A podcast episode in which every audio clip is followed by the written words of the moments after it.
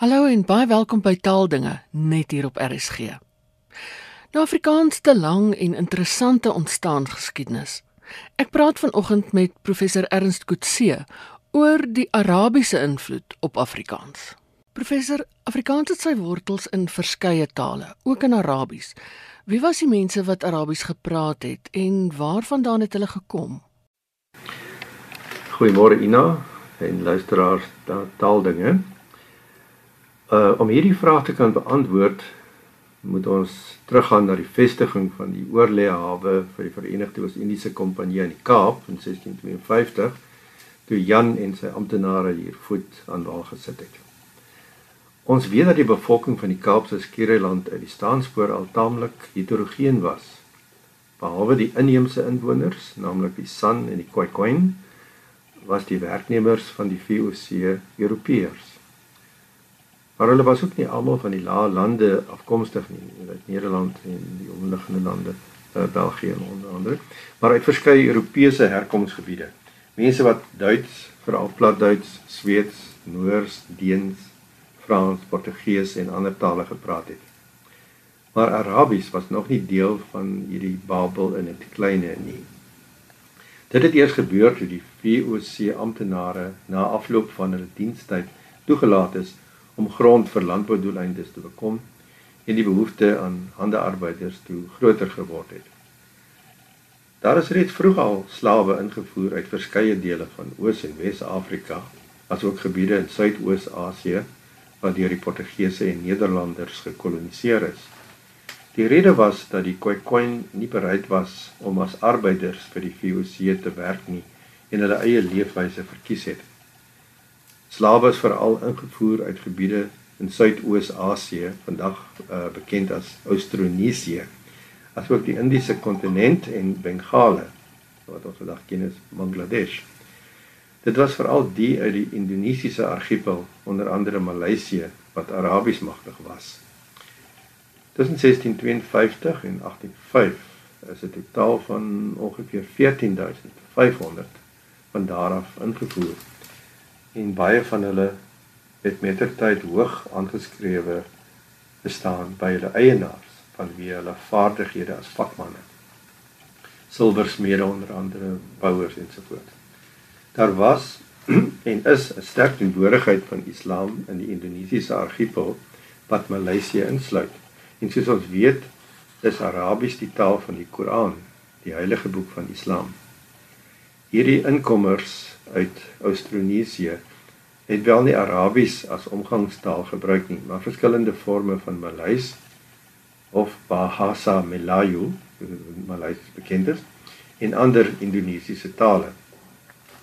Daarbenewens moes hulle natuurlik die Koran in Arabies kon lees en op die op die ortodokse manier uitspreek wat in Arabies tajwid genoem word. Behalwe die belangrike skakel met Islam, waarin Arabies 'n belangrike rol speel, het die sprekers van Maleis ook 'n skryftaal tradisie gehad wat op die Arabiese alfabet gebaseer was, naamlik Jawi.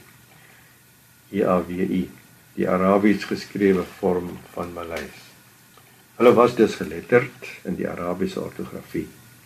As gevolg van die band met Islam was hulle godsdienstige woordeskat ook oorwegend Arabies. En op die wyse het Arabies as taal en as skryfvorm aan die Kaap beland. Uh maar inderdaad daar was nog iets wat gebeur het wat Arabies 'n verdere hupstoot gegee het. Dit was die aankoms in 1694 van Sheikh Yusuf of Yusuf uh, soos ons dit ken, 'n Indonesiese moslim van adelike afkoms wat deur die VOC verban is as gevolg van sy teenstand teen hulle inname van Makassar uh, wat sy tuisstad was en ook die grootste handelsentrum van oostelike Indonesië. Hy het ook hoë aansien geniet as godsdienstige leier. Sy teenwoordigheid het groot belangstelling gewek onder die breër slawe gemeenskap en sy tuiste was 'n toevlugsoord vir baie. Hy was blykbaar uh, die eerste persoon wat die Koran na die Kaap gebring het en die boodskap van Islam onder die slawe van die van die Kaap versprei en versterk het. Na sy dood het die godsdienstige tradisie voortgegaan tot op hede en dus ook die kennis van Arabies. Destyds in die Kaap was die gebruikstaal en die taal van die magshebbers Nederlands. Hoe die mense mekaar dan verstaan? Daar was natuurlik geen klasse in Nederlands as vreemde taal in die Kaap nie. Maar daar was allerlei voordele verbonde aan die vermoë om Nederlands te praat, waarvan een van die belangrikstes was dat slawe wat Nederlands kon lees en skryf in aanmerking gekom het vir vrystelling. Maar hoe kon sulke nuwe aankomelinge hoegenaamd verstaan wat die VOC amptenare gesê het of hulle self verstaanbaar maak? In so 'n situasie waarin mense wat mekaar se tale glad nie verstaan nie probeer kommunikeer, ontstaan daar dikwels 'n sogenaamde vereenvoudigde pidgin taal van basiese elemente uit beide tale. Deur volgehoue en meer uitgebreide kontak kan so 'n taalvorm uh, 'n algemene kommunikasiemedium ontwikkel wat mettertyd meer ooreenstem ook met die taal van die maghebbers wat self ook hulle taal aanpas by die van die gekoloniseerde gespreksgenote. Dit was 'n algemene verskynsel in koloniale gebiede, ook in die Indonesiese argipel, waar so 'n aangepaste vorm van Nederlands ontstaan het gedurende die 17de eeu en as medium van kommunikasie gebruik is tussen VOC amptenare en die inwoners. Oor die 150 jaar van koloniale aktiwiteite het groot getalle terugkerende werknemers van die VOC tot 1500 op beslag op hulle tuisvaart by die Kaap aangedoen en tot 6 weke lank hier vertoef en in baie gevalle verkies om hulle hier te vestig.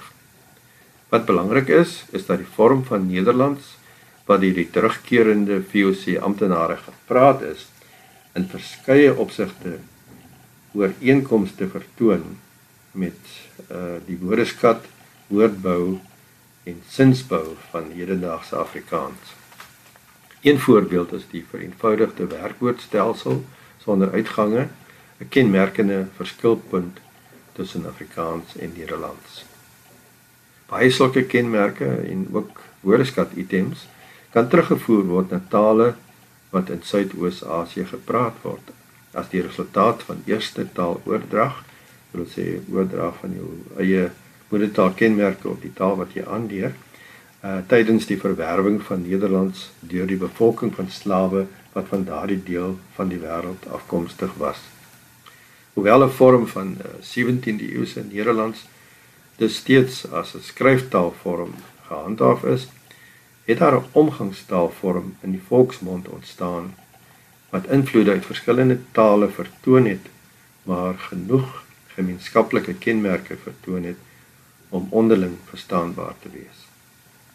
Wat ook belangrik is, is dat Maleis, die Maleis wat deur die slawe gepraat is, mettertyd verdring is deur Kaapse-Hollands as godsdiensttaal. Toe het 'n merkwaardige ding gebeur. Die spreektaal is in die Arabiese ortografie verskriftelik. Hoekom was dit nodig? Die teks van die Koran en die islamitiese begrippe wat op die inhoud daarvan gebaseer is, was en is nog in klassieke Arabies. Daarom word 'n sekere vlak van geletterdheid, dit wil sê kennis van die Arabiese ortografie en ook uitspraak, die sogenaamde tajwid wat wat ons gepraat het vereis. Hierdie kennis van Arabies is altyd oorgedra deur die opvoedkundige stelsel van madaris, ook wat bekend staan as madrassas of skole van godsdienstige opvoeding wat verbonde is aan die moskeeë. Ook in die Kaapse Skiereiland is die praktyk om die Arabiese skryfstelsel aan moslimkinders van skoolgaande ouderdom bekend te stel, gelyktydig met die stigting van moskeeë ingevoer. Die taalsituasie was redelik gekompliseer omdat die spreektaal, naamlik Kaaps-Hollands, anders as Maleis, nie in die gemeenskap geskryf is nie en die skryftaal, dit wil sê Arabies, nie as omgangstaal gepraat is nie. Die ouer geslag wat as slawe met 'n kennis van Jawi as skryftaal van gesproke Maleis na die Kaap gekom het, het nie Nederlands geken nie en die jonger geslag het met Kaapse Hollands groot geword. Daarom het die behoefte ontstaan om die lesmateriaal vir die onderrig in die madrassas op skrif te stel sodat die kinders dit kon verstaan. Die ouer geslagte het die klanke van Kaapse-Holland geken omdat hulle dit geleer praat het en ook 'n manier van skryf vir sowel Arabies as Maleis in geskrewe vorm dus Jawi. Die imams wat as onderwysers by die madrassas opgetree het, het die kloutjie by die oor gebring en die spraakklanke in die Arabiese skrif neergepen. Terwyl die kinders geleer is om die om die Arabiese skrif te lees en te skryf sodat hulle die Koran kon verstaan, was dit dus twee vliee met een klap om dieselfde skrif te gebruik om sowel die Koran as aantekeninge oor die inhoud van die geloof in uh, sê dan maar Afrikaans te begryp. Op die wyse het dokumente met geskrewe lesmateriaal, ook genoem kitabs, kitab is die Arabiese woord vir boek, in die 1860s ontstaan.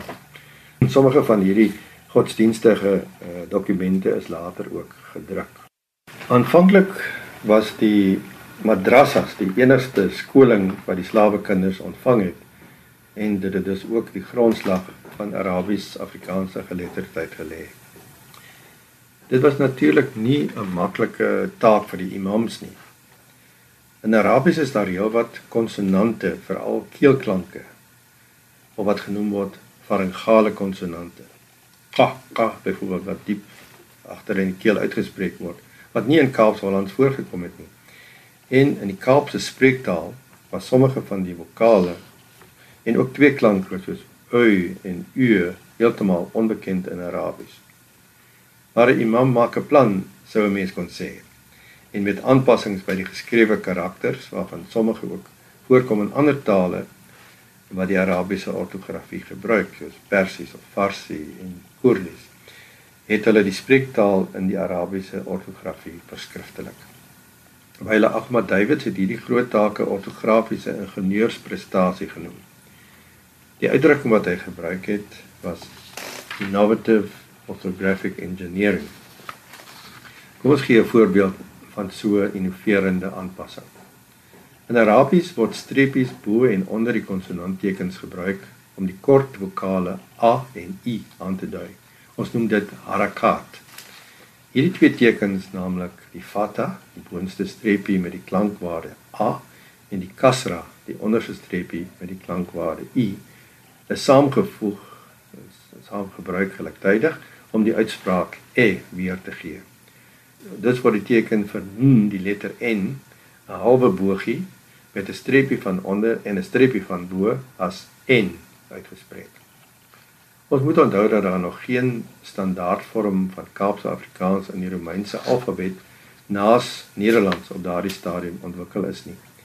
Die godsdienstige leiers van die gemeenskap het met ander woorde die bestaande en bekende ortografie van Arabies begin gebruik as 'n basis om die gesproke vorm van die omgangstaal in sulke tekste vas te lê.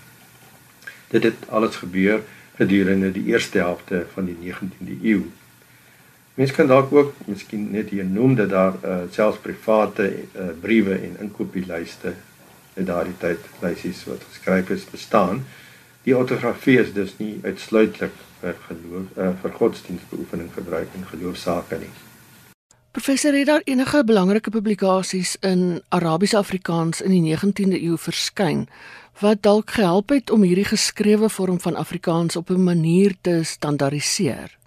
Uh ja, en nou soos in die geval van Sheikh Yusuf was daar 'n gesiene figuur wie se aankoms in die Kaap in 1862 'n keerpunt en terselfdertyd 'n stimulus was vir die ontwikkeling van Arabiese Afrikaans. Dit was naamlik Abu Bakr Effendi, 'n Turkse regter van aristokratiese Arabiese afkoms wat deur koningin Victoria na die Kaap genooi is om as onderriggewer en godsdienstige leier van die moslimgemeenskap op te tree. Hy word erken as die skrywer van die eerste beduidende publikasie in Arabiese Afrikaans van 254 bladsye in totaal. Die Bayan al-Din teken 'n verduideliking van die geloof. Die Arabiese Afrikaans wat hy gebruik het, is gebaseer op sy eie interpretasie van die spraakklanke van Malayer of Kaapse Muslim Afrikaans. As Turkse immigrant moes hy naamlik die taal van niets af leer praat. Die teks is eers in 1877 in Konstantinopel, hedendaagse Istanbul, gepubliseer. 12 jaar nadat losblad eksemplare van die inhoud versprei is onder die studente van wat bekend geword het as die Ottoman Theological School in Kaapstad. Abu Bakr Effendi se werk het 'n groot invloed uitgeoefen en hy het ook belangrike vernuwings in die ortografie aangebring. Hoewel hy uh, natuurlik as nie moedertaalspreker ook 'n paar uitspraakfoute begaan het. En sommige daarvan in die Bayan al-Din is toe na sy afsterwe ook reggestel. Maar daar was ook ander publikasies wat die lig gesien en eintlik in die voetspore van Abu Bakr Effendi gevolg het. Arabiese Afrikaans word nie meer vandag geskryf nie. Hoekom nie? En het daar iets in die plek daarvan gekom, professor? In die eerste helfte van die 20ste eeu het die aantal lesers met 'n deeglike agtergrond in Arabies geleidelik verminder. En hierdie feit, tesame met die standaardisering van die Romeins-Afrikaanse ortografie, was 'n belangrike rede vir die oorskryf of transliterasie van die Arabiese karakters in Romeinse skrif. 'n Transliterasie sou nie net aan 'n breër leserstaal toegang verleen tot sulke dokumente nie, maar ook 'n meer betroubare weergawe uh van die uitspraak sou moontlik wees. As 'n soort fonetiese transkripsie sou die klank-simboolverhouding nader lê aan die fonologie van Afrikaans, waarvan 'n model in die vorm van Nederlands reeds beskikbaar was en ook bydra tot die standaardisering van die Romeinse ortografie van Afrikaans. Hierdie romaniseringsfase het eintlik al in 1898 begin met die publisering van die Kitab Tarjama al-Riyad deur Imam Abdurraqib. Wat interessant is is dat daar saam met die romanisering 'n nuwe register tot stand gekom het, 'n meer verhewe styl van uitdrukking soos die ortografie van Afrikaans wat vir formele doeleindes in hierdie gemeenskap gebruik is, verander het in ooreenstemming met die standaardisering daarvan in die land as geheel. Die standaard Afrikaans is die tipies Nederlandse kenmerke van die kitabs wat as argaïs beskou is vervang deur 'n ortografie wat meer in pas was met die standaardspelling van na 1925 toe Afrikaans uh amptstaal geword het. Maar wat nog steeds die belangrikste eienskappe van Kaapse Moslem Afrikaans behou het. Die publikasie van verskillende tekste in sowel Arabiese as Romeinse skrif wat 'n hoogtepunt bereik het gedurende die 1930s, het in 1957 tot 'n einde gekom toe die laaste Arabies-Afrikaanse titel van die hand van Sheikh Ahmad Beyardin verskyn het. Voortaan sou Islamse literatuur slegs in Romeinse skrif verskyn. Iets wat toegeskryf word aan die feit dat Kaapse moslems nou eers 'n sekulêre opvoeding ontvang het voor enige verdere studie. Dalk moet 'n mens ook net noem dat die kitabs wat reeds bestaan het nie noodwendig getranslitereer is nie en steeds in die Arabiese skrif deur die imams gelees is. Afrikaanse taalkundiges het byvoorbeeld eers bewus geword van Arabiese Afrikaans deur die Romeinse transliterasie in die 1950s deur van Selms, 'n Nederlandse Arabis van die Universiteit van Pretoria wat die Bayan al-Din van Abu Bakr Effendi bestudeer en ontleed het.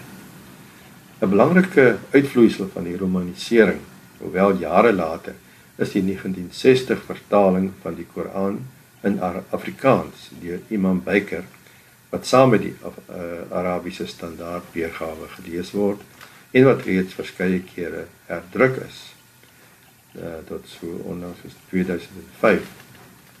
Dit is wel geskryf in in ooreenstemming met die spelreëls van Afrikaans soos in die AWS weergegee. Nou watter plek bekleed die Moslem Afrikaans in die ontwikkeling van Afrikaans?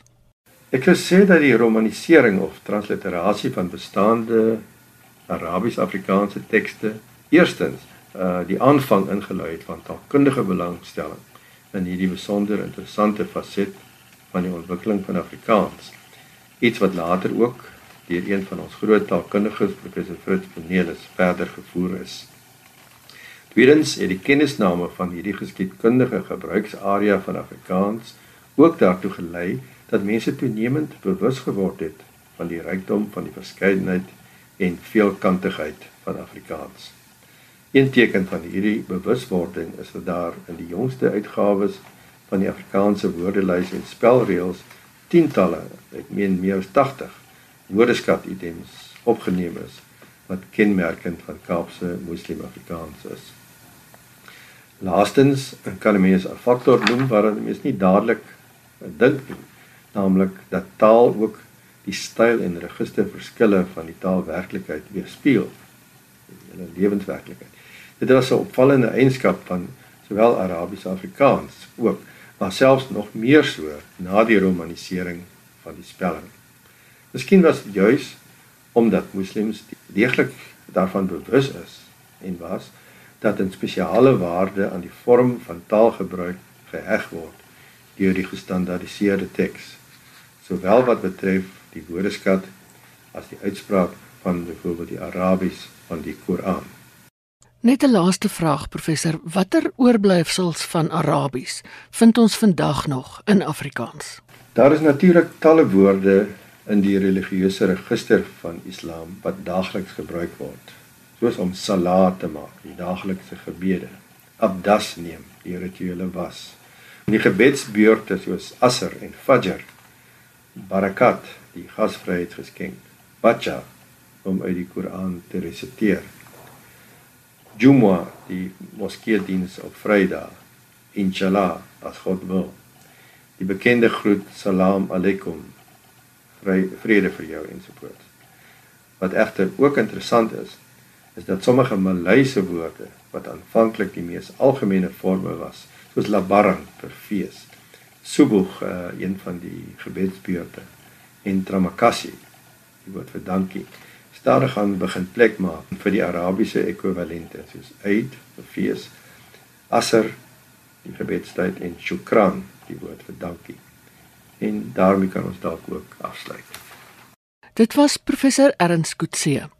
En dis dan ook al vir vandag. Geniet die res van die dag in RSG se geselskap en van my Ina Strydom. Groete tot 'n volgende keer.